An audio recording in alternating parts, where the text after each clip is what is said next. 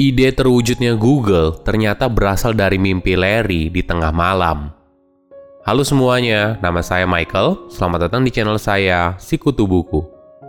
Kali ini saya akan bahas kisah inspiratif dari Larry Page yang merupakan co-founder dari Google. Sebelum kita mulai, buat kalian yang mau support channel ini agar terus berkarya, caranya gampang banget. Kalian cukup klik subscribe dan nyalakan loncengnya. Dukungan kalian membantu banget supaya kita bisa rutin posting dan bersama-sama belajar di channel ini. Larry Page lahir pada tahun 1973 di Michigan, Amerika Serikat. Ayahnya merupakan profesor di Michigan University dan memiliki gelar PhD dalam bidang sains komputer. Sedangkan ibunya merupakan instruktur dari komputer programming. Dibesarkan dalam keluarga yang fasih dalam teknologi, membuat Larry kecil sudah rajin membaca buku. Dia banyak menghabiskan waktu untuk membaca buku dan majalah soal sains dan teknologi. Suatu hari, ketika usianya 12 tahun, Larry membaca biografi dari Nikola Tesla, kemudian menangis. Sebagai gambaran, Nikola Tesla adalah seorang penemu dari berbagai penemuan besar di dunia. Namun sayangnya, Tesla tidak pandai dalam berbisnis, sehingga akhirnya dia meninggal dengan kondisi keuangan yang berantakan. Padahal banyak ide gila Tesla melampaui zamannya pada masa itu, misalnya teknologi wireless communication.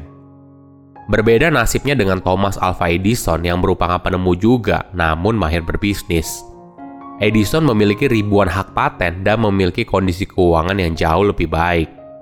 Membaca kisah Tesla mengajarkan Larry kalau punya ide soal masa depan saja tidak cukup.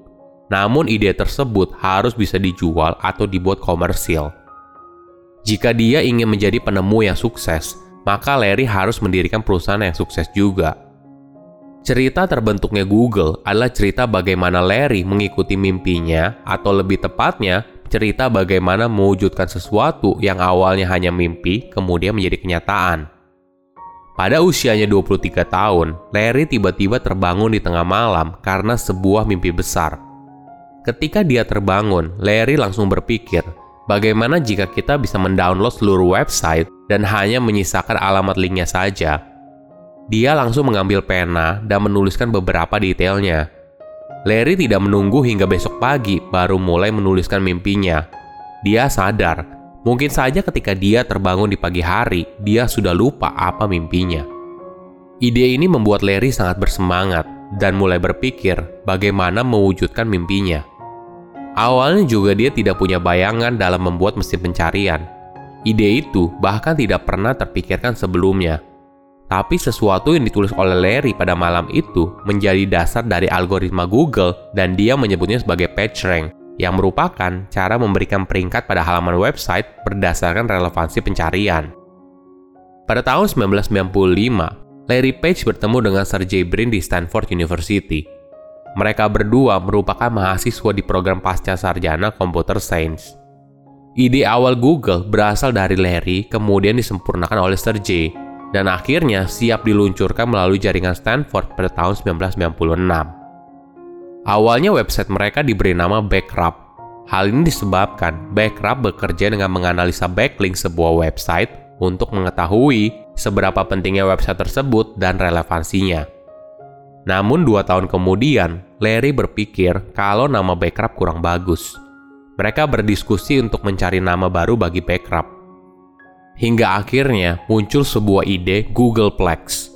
Larry lalu menyingkatnya menjadi Google yang berarti angka 1 kemudian diikuti oleh 100 angka 0. Sedangkan Googleplex artinya adalah angka 1 yang diikuti oleh Google angka 0. Ketika mereka mengecek apakah domain tersebut masih ada atau tidak, timnya tidak sengaja mengetik google.com, bukannya google.com. Kesalahan penulisan ini malah disukai oleh Larry, dan akhirnya mereka memutuskan untuk mengganti nama Backrub menjadi Google. Bagi kebanyakan perusahaan teknologi, nama co-founder seakan hilang di telan bumi, contohnya seperti Facebook dan Apple. Namun hal ini tidak terjadi di Google. Sergey mengisi bagian ekstrovert yang kurang dimiliki oleh Larry – Sergey merupakan ahli di bidang strategi, branding, dan mengembangkan hubungan antara Google dengan perusahaan lain. Kemudian pada tahun 1999, Google bertumbuh sangat cepat. Kondisi ini membuat Google harus berinvestasi di server dan juga merekrut karyawan baru. Tentu saja, konsekuensinya Google butuh dana segar.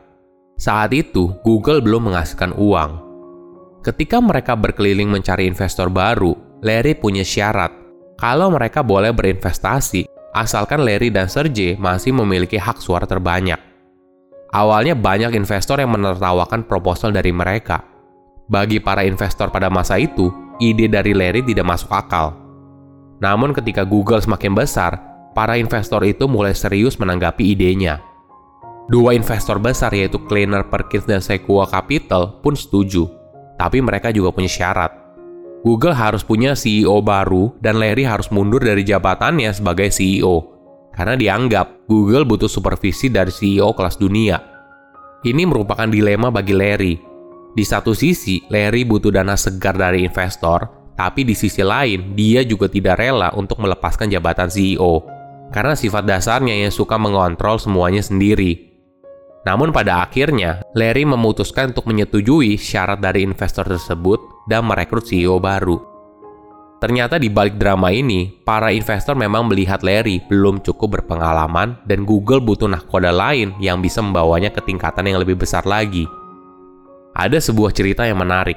Pada tahun 2001, Larry memecat semua project manager di Google karena dia merasa kalau engineer tidak boleh disupervisi oleh orang yang tidak mengerti hal teknis.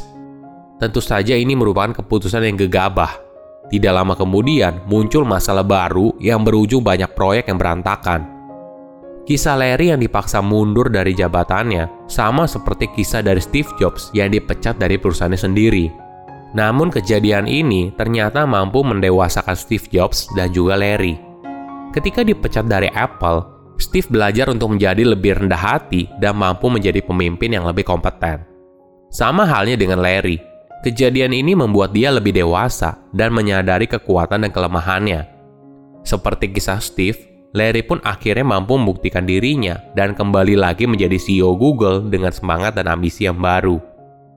Google terus bertumbuh dan pada akhirnya tahun 2019 dia memutuskan sudah saatnya untuk mempercayakan Google kepada orang lain. Dari kisah Google ada beberapa pelajaran yang menarik. Pertama, mimpi itu perlu aksi nyata. Banyak orang punya ide, namun hanya sedikit yang bisa mewujudkannya. Hal inilah yang dilakukan oleh Larry. Dia menghabiskan waktu di tengah malam untuk menuliskan ide yang muncul saat dia bermimpi tidak berhenti sampai di situ, dia juga terus bekerja keras mengembangkannya hingga akhirnya Google diluncurkan.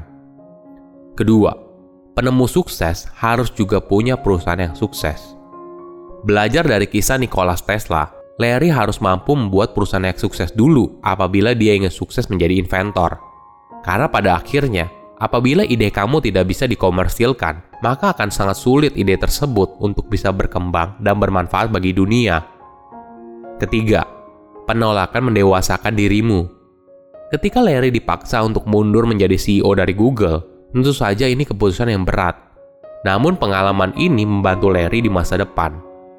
Jika dia tidak dipaksa mundur, belum tentu Google bisa sebesar sekarang. Pada masa itu, Google butuh pemimpin yang berpengalaman, dan Larry belum siap.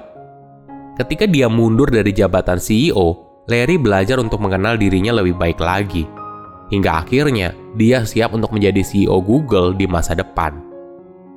Ide berasal dari sebuah mimpi hingga akhirnya mampu menjadi kenyataan. Namun yang paling penting, ide tersebut harus bisa bermanfaat bagi banyak orang agar bisa berkembang. Silahkan komen di kolom komentar pelajaran apa yang kalian dapat ketika tahu informasi ini. Selain itu, komen juga mau tahu informasi apa lagi yang saya review di video berikutnya. Saya undur diri, jangan lupa subscribe channel YouTube Sikutu Buku. Bye bye.